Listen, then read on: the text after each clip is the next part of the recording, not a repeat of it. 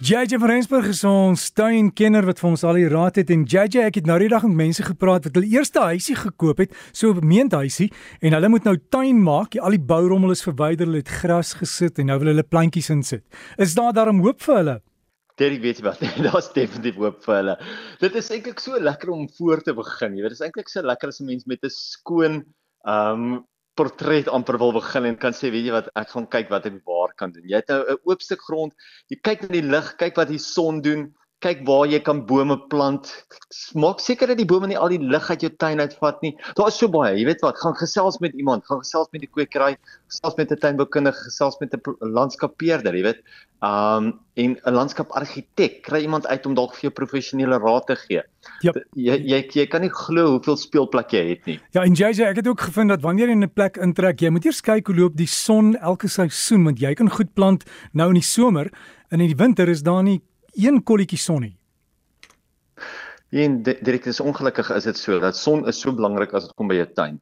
Nie net om jou huis warm te hou en om vir jou genoeg lig in die huis self te gee nie, maar ook vir jou tuin self om seker te maak dat jou tuin wel goed kan groei en kan ontwikkel. Jy weet, 'n ou wil nie eintlik donker kolle in die tuin hê nie. So mens moet probeer om bome en struike regte plant. Jy weet, moenie netwendig jou hele tuin vol immergroen struike gaan plant nie. Want ja, dit klink natuurlik fantasties vir nou in die somermaande wanneer dit baie warm is.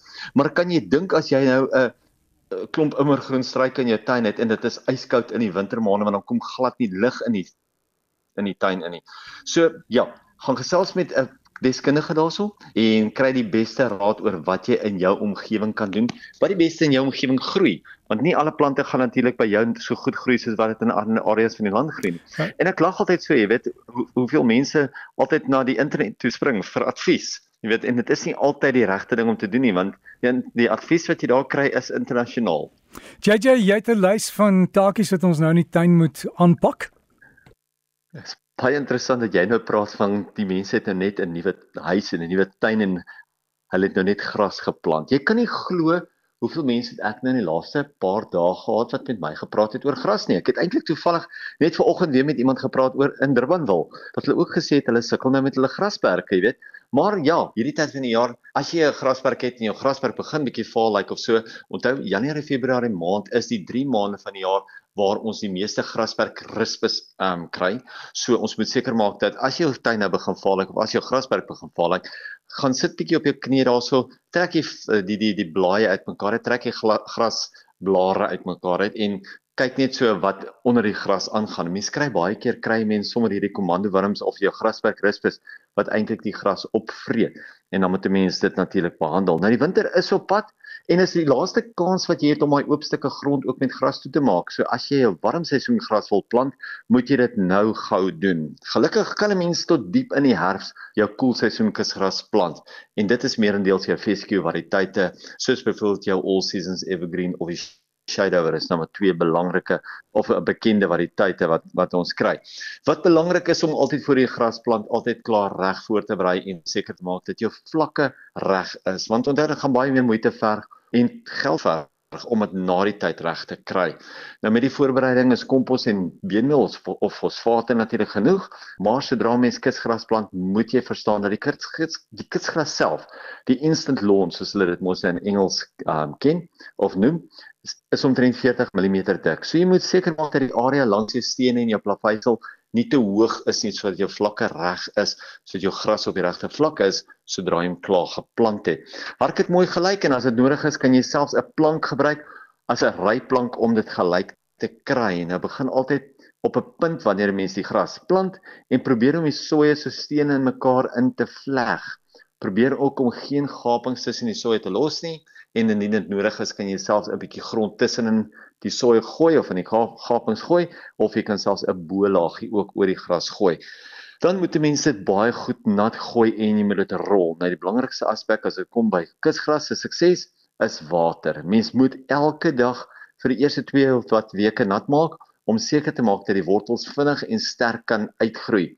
Mens sny eers na so 4 weke, anders gaan mense die gras optel maar is baie belangrik begin altyd op 'n kant werk uh, werk na 'n rigting toe en dan sodra jy nader aan die rande kom dan plant jy gou eers jou rande en dan doen jy jou invul met die kitsgras um soja of die kus, ja, die kusgras um blaaie wat 'n mens kry.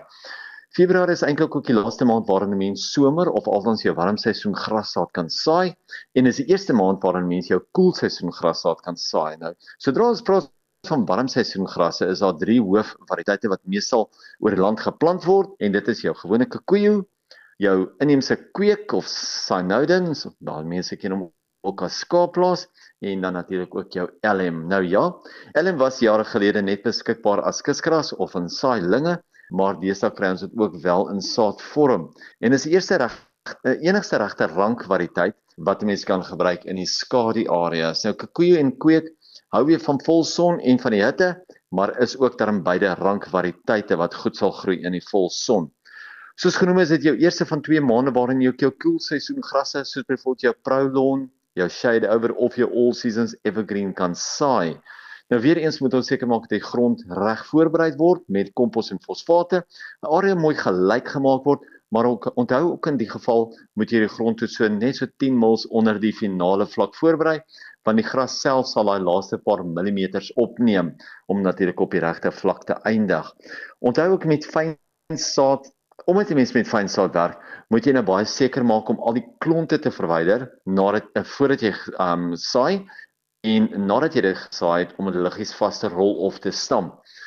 Ook moet jy onthou om die saad met 'n baie fyn sproeier daagliks nat te maak sonder om die saad alles kante te was, want omdat dit so lig is, omdat dit so fyn is, kan dit baie maklik wegwas wegvloei met die water. Dan kry mense hoop gras saad wat op die punte groei en ontwikkel, maar mens kry niks wat groei daar waar jy dit gesaai het nie. Dit is so lekker tyd om dit nou reg te kry dat mense dit vinnig kan groen kry en vol kry voordat die winterkoue eintlik nou um oor jou area beweeg. So kyk bietjie uit na jou graswerk, kyk wat is nodig en dan kyk jy of jy sommer daai kolle van jou daai kaal kolle vol gras kan kry as as jy van 'n grasperk hou.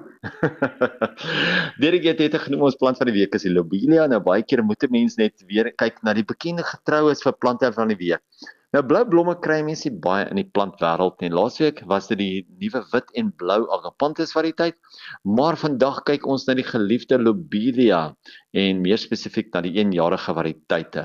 Nou mense kry die wit en pers dan kry mense ook natuurlik die mooiste helder blou tot donkerblou blomme op die lobelias. Dit is baie laaggroeiende grondbedekkertjie of baie laaggroeiende fillerplantjie wat 'n mens gewoonlik as 'n saailing kan plant maar hy, as jy mens mooi na hom kyk, kan 'n mens hom ook deur die winter trek of deur die koeler tye van die jaar trek. Die lobelias maak pragtige villers. Hy lyk ongelooflik as 'n randakker soos ek net genoem het en hy doen net so goed ook in hangmandjies.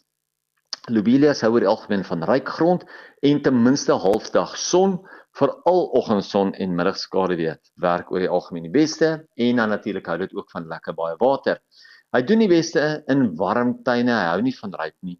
So probeer om slim te plant. Wanneer jy 'n plant, probeer om hom in die warmste gedeelte van jou tuin te plant. JJ, dankie vir al die raad en uh, dankie vir die raad oor die grasperke ook. En dit was ons tuinpraatjie en JJ van Rensburg, jy kan hom kontak. Gaan loer op sy Facebook bladsy, hy het foto's daar vir ons. Is Gardens by JJ, een woord. Gardens by JJ. Ja ja, Gardens by JJ. Gaan loer op Facebook, sluit aan by die groep. Kry die inligting en lekker tuin maak.